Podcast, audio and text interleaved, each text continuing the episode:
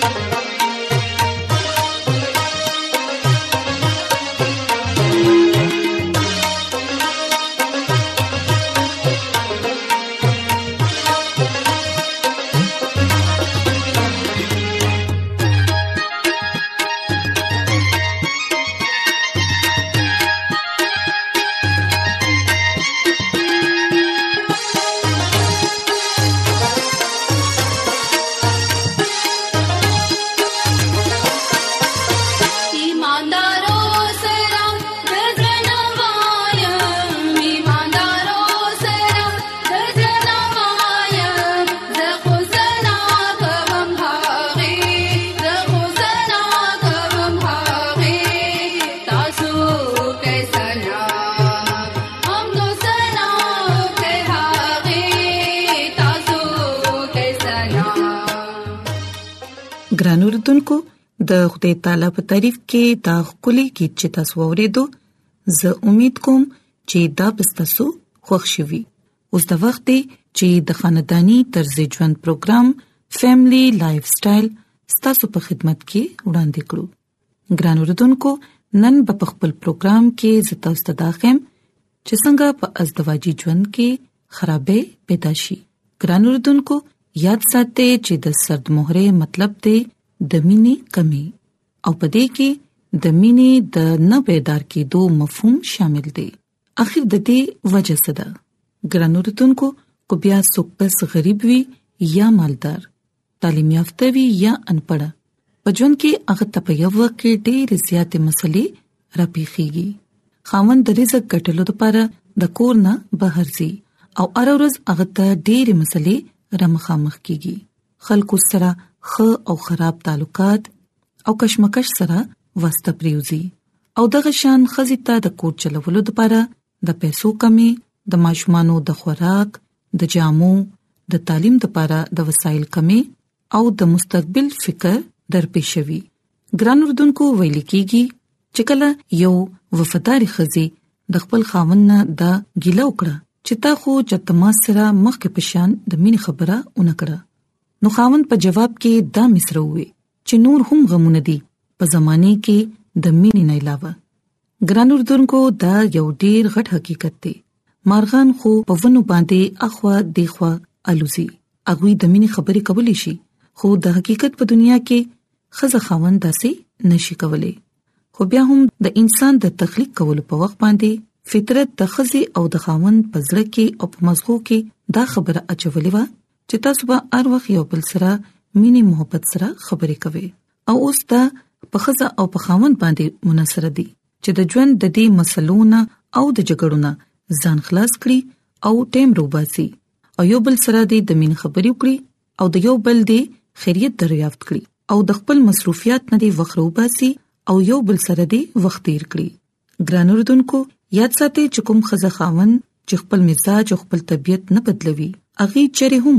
یو نارمل ژوند نشي تیرولې او ګران اردوونکو په دې باندې ځان پویول ډیر ضروری دي چې زموږ په ژوند کې دا مسلې ولې راځي او اخر ولې د خزه او د خاون تعلق خراب شي د ټولو نمک کې خو په دې خبره باندې غور کول ضروری ده چې د هر خبرې یو موقع او موسم او وخت وي کچري د خاوند په سر کې دړوي او تبه وي یا کچري داغه افسر هغه ته وینا کړې ده یا کچري په خار کې لګیا دی غلاګانی کیږي او د قتل خبرونه لګیا دی راځي نو بیا به دا غلط ټیم او غلطه موقع وي چې هغه وخت د مینې خبرې وکړي شي او دغسې کوچري د خزي په بدن کې ډېر زیات دړوي او د خپلې مور د بيمارۍ د خبر په وجه باندې هغه پریشان وي یا داغي ماشوم بيمار وي پیواله لا ورکولو لپاره اغي سره پیسې نه وي او خاون داغینه د تم ساتي نو په داسې حالات کې خزه بچره هم خوشاله نشي پاتې کېدی او یقینا چې په داسې حالات کې به دا غوي ترمنځ جنگ جګړې راځي ګران اردوونکو مونږ ګورو چې باز خامندان اوسې والوي پاغوي کې د برداشت کولو قوت نه وي او ډېر ځلې خدا سي کیفیت د خزو هم وي یعنی اغي ته د یو بل نه الرجی وي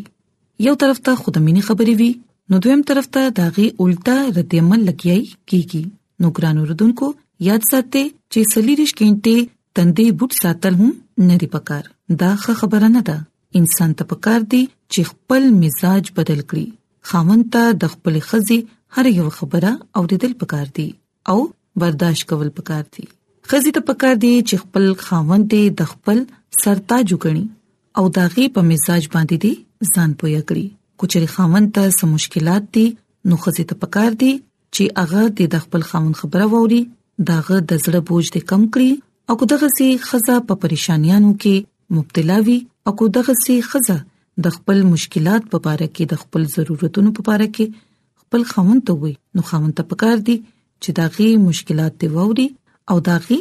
ضرورتونه دی پوره کړي ګران اردوونکو یاد ساتئ کوچري خزه خاوند به یو بل لا وخت ورکوي د یو بل خبره باوري یو بل برداشت پکې نو بیا یقینا چې اغي به یو ښه ازدواجی ژوند تیرول شي ولې چې ګران اردوونکو کوچري د خزه خاوند پکور کې تعلق خنوي نو د کور ماحول به ناخوشګواروي ماشومان به خوشاله نه وي خزه خاون کو په خپل کې ار وخت جنگ جګړې کوي نو بیا به د کور ماحول چری هم نشي خکې دی او بیا د شان نه خدای تعالی زموږ نه خوشاله دي شي ګران اردوونکو د خدای خادمه میسز ایلن جی وایټ په خپل کتاب د شفا چشمه دغه صفه نمبر 322 کې دا خبره لیکي چې کو ډیر مشکلات او حالات خراب وي بیا هم نه خاوند ته او نه خزي ته په خپل ځل کې دا خیال راوستل پکار دي چې زموږ تعلق په غلطه باندې دي نو بیا هر سوشي اغه ته د یو بل مدد کول پکار دي همیشه مثبت سوچ کول پکار دي د یو بل عزت کول پکار دي او د ژوند په دې جنگ کې د یو بل همت سیوا کول پکار دي ګران اردوونکو یاد ساتئ چې د یو بل په خوشاله کې د اضافه کولو لپاره همیشه موږ ته غور کول پکار دي نو کو بیا چې دا خبرې په یو خاندان کې وي او بیا خپل ځان نه بلکې خپل خاندان هم په دې خبره باندې شامل کړي چې ارورز د خدای تعالی کلام وایي ووري پدی باندې غور وکړي دا په خپل ژوند کې شامل کړي ترڅو په کلام کې چې کوم برکت وي کوم د همیش ژوند وي هغه موږ ټول حاصل کړو ولې چې خدای تعالی د هیڅ هلاکت نه غواړي هغه غواړي چې د ټولو توبه پورې نوبت ورسي هغه دا غواړي چې موږ د داغنه ژوند حاصل کړو او د کثرت ژوند حاصل کړو نو ګران اردوونکو په بایبل مقدس کې د همیش ژوند موجود دی کچري بیا موږ ژوند حاصلول غواړو نو بیا موږ ته پکار دی چې د خدای تعالی کلام وګورو نو ګران اردوونکو کله چې موږ د خدای تعالی کلام وګورو پاغي باندې ژوند تیر کړو نو ګران اردوونکو زه امید کوم چې زموږ د نن پروګرام بستاسو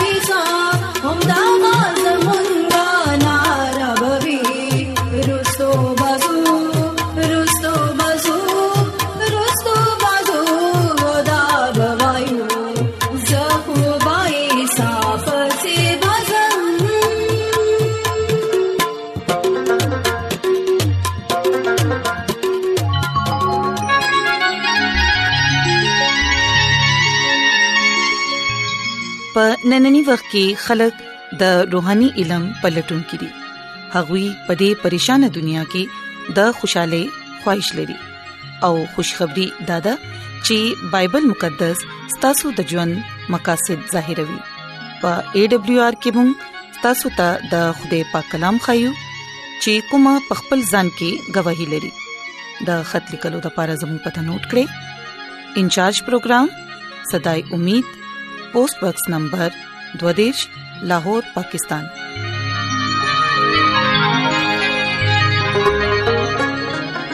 ایمان اوریدو سره پیدا کیږي او اوریدل د مسیح کلام سره ګران اردوونکو د وخت دی چې خپل زړونه تیار کړو د خدای تعالی د پاک کلام د پاره چې هغه زموږ پزړونو کې مضبوطې جړې ونی سي او موږ خپل ځان د هغه د بچاغت لپاره تیار کړو عیسی مسیح په نامه باندې زتا ست سلام پېښ کوم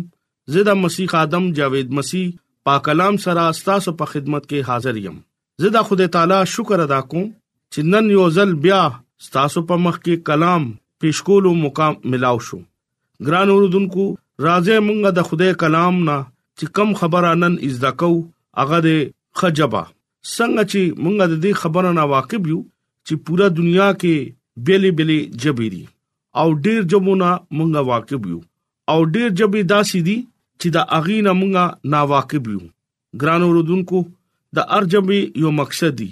چې کم زی کم خلق چې کم جبا اغي وی دي شي مونږه ګورو چې ارجبې په یو دوه والا جبا ویلی شي ګران اوردونکو مونږه ګورو چې ډیر خلک دا خبره خواهش کوي چې مونږه له ډیر زیات جبه راځي او ارجبو کې مونږه خبره کولی شو او ډیر خلک یو نه زیات جبو کې خبره کوي او یو نه زیات جبو باندې ځان پویوي د دې خبره مونږه فخر کوو چې مونږه ډیر زیات جبه راځي ګران اوردونکو په دې دنیا کې داسې خلک هم دي چې اغي لا زیات جبي ناراضي اغي یو جبا یا دو جبا باندې اغي پويږي د ار قوم سړی د ار مذهب سړی ار رنگو نسل سړی اغا جبا باندې پويږي چې کم نور جبو کې خبرې کولی شي ګران اوردونکو هغه جبا د مینې جبا ده ویل شي چې یو سړی وو هغه ډیر تعلیم یافته وو او هغه ډیر زیات جبه باندې عبور حاصلو هغه د دې خبره ډیر زیات فخر کوله چې مالا ډیر زیات جبوي از دکړې دي او ډیر جبو کې علم ساتم ګران اوردونکو چې کله هغه خپل خلکو ته لاړو او غیر کومونو خلکو خواته هغه لاړو نو خلکو هغه نظر انداز کو او خلکو هغه له دومره عزت ورنکړه چې کم هغه غوښتو دغه وجہ سوا دغه دا وجہ وا چې هغه پاغه خبره باندې ډیر زیات غرور او فخر کول د دې خبره ته هغه پته نه و چې مونږه نورو نه خيو او قابل یو او زیات علم او حکمت اګدو زه نور زیات جبو کې خبره کولې شم چې کله خلکو کې اغي غرور ولیدو نو هغه نظر انداز کو او دغه عزت یې ونکو څنګه چې هغه توقع ساتو ګران اردوونکو داسې یو سړی وو چې هغه غیر ملک نه رالو او هغه علاقې جبا باندې هغه نه پوهیدو او هغه د مینې جبا خپل او نورو سره میل جول کې خودو خپل خبرې وویلې او وویلې هغه کې مینا وا او خلکو دغه مینی جبا خوښ کړه او اغلا عزت ورکو او قبول کو ګران اوردونکو مقصد دا ویلو دا دی چې د مینی جبا هغه ار قومي ار قبيلي وي ار د مذهب وي ار رنگ نسل سړې ولي وي خدای والا برکت ورکوي چې هر څوک په هغه باندې ځان پویول شي د مینې جبا زموږ کردار سره زموږ چال چلن سره ظاهر کیږي ګران اوردونکو زه تاسو ته دا ویل غواړم چې په ابتدا کې خوده انسان خلقو او هغه ټیم یو جبا ویل شو بایبل مقدس په دې خبره کې خاموش دی چې هغه کومه جبا وا انسان کوم جبا کې خبرې کولې ګران اوردونکو بشکا مونږه د دې خبره نه واقف نیو چې اولنې انسان څنګه جبا ویلا ګرانو رودونکو مونږه ګورو چې زیات جبو کې اختلاط هغه ټیم رالو چې کم ټیم بیل جبو ابتدا وشو لکه دا بابل برج جوړې ده ګرانو رودونکو دا بابل برج چې یو داسې بیت دی چې مونږه ځان پویولو کوشش وکاو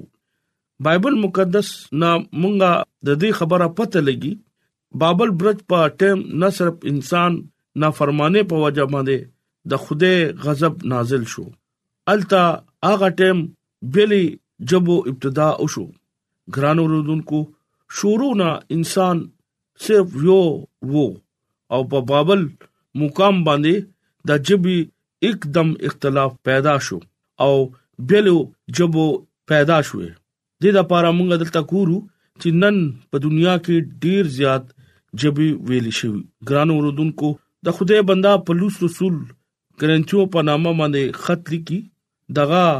د لسم باب اولنې دوه آیت کې دا خبره لیکي چې سړو او د فرشتيانو جبا وای او مين نه ساتم نو زه ټنګې دو پیتل او جړکې دن کې جاج یم چې ما ته کله نبوت ملاو شو او ټول بیتونو باندې او کل علم نا واقعیت شم نو زما ایمان دلته کامل نشو غرته زو هم اخوشا او مینا نه ساتم نو زه اس کولې نشم په کلام ویلو باندې خدای مالا برکت راکړي موږ د بایبل مقدس د دې حوالې نه ګورو او دا وایو چې دا سړو او د فرشتيانو جبا ویلی شو او چې مینا مونږه کې نشتا د خدای کلام مونږه ته دا وایي چې مونږه کې مینا پکار دی او انسان خدای ته دا وایي چې زه مینا نه خدایم خدای په دې دنیا کې خپل زوی چې ولګو نو هغه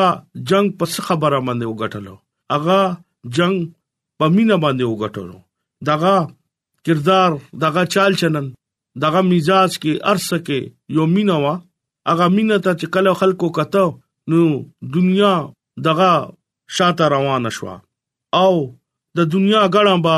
هغه چې کله وکړو نو خپل د مینې اظهار با اغي سره وکړو نو هغه مینا گواہی به خلکو ورکولو ګرانو رودونکو مسول اغستو والا متی رسول چې کله عیسی المسی مینا وکتا نو هغه ارس پر خودو دغه پسې روان شو ګرانو رودونکو برتمای نبی چې کله دغه مینا وکتا نو هغه د اونې نه کوشو او خپل کور ته بوتلو او هغه سره روټه اوخړو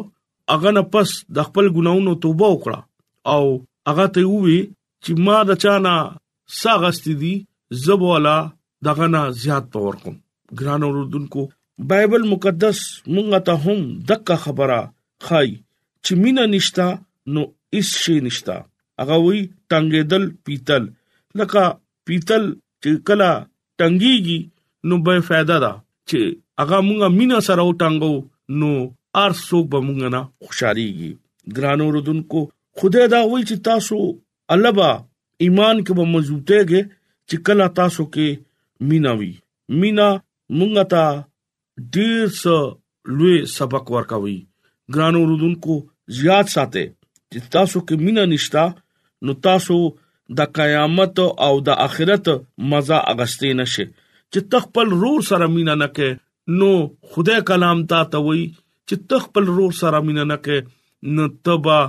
زما خوخ نشي ته خپل پړوسی سره د مینې جبه کې خبرې وکا نو هغه به هم ستا تعریف وکړي ګرانو دونکو مینا جبا مړی زړه هم ژوندې کوي د مینې جبې سره زړه مونږه د بل سړي ګټلې شو د مینې جبا سخت زړه نرم کوي د مینې جبا کمزور سړی لا قوت ورکوي د مینې جبا غورځېدلې ولا سړې اوچتوي د مینې جبه نا امید سړی لا امید ورکوي او د مینې جبه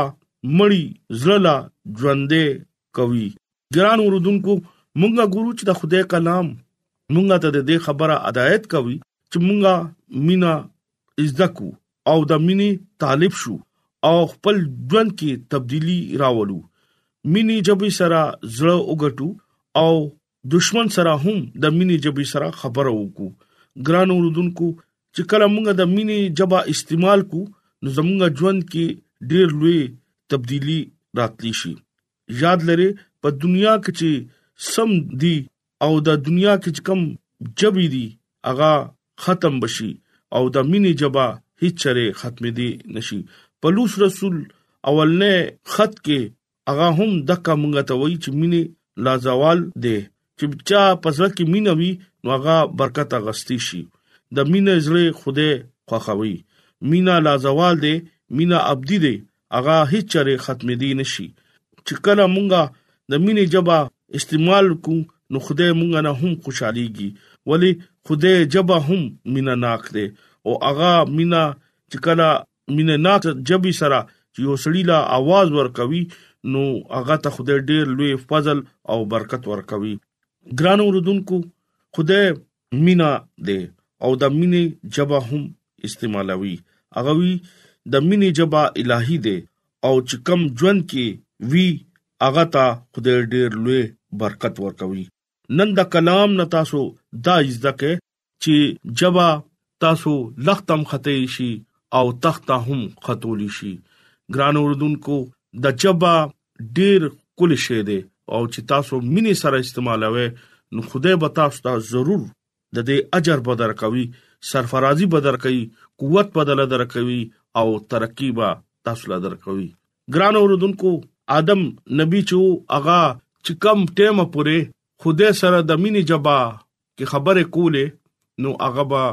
ډیر خوشاله وو او چې کله هغه دروغ جبا استعمال کړه نو هغه د باغ عدن نه وباسو ګران اوردونکو خدای مونږه سره مینا ډیر زیات کوي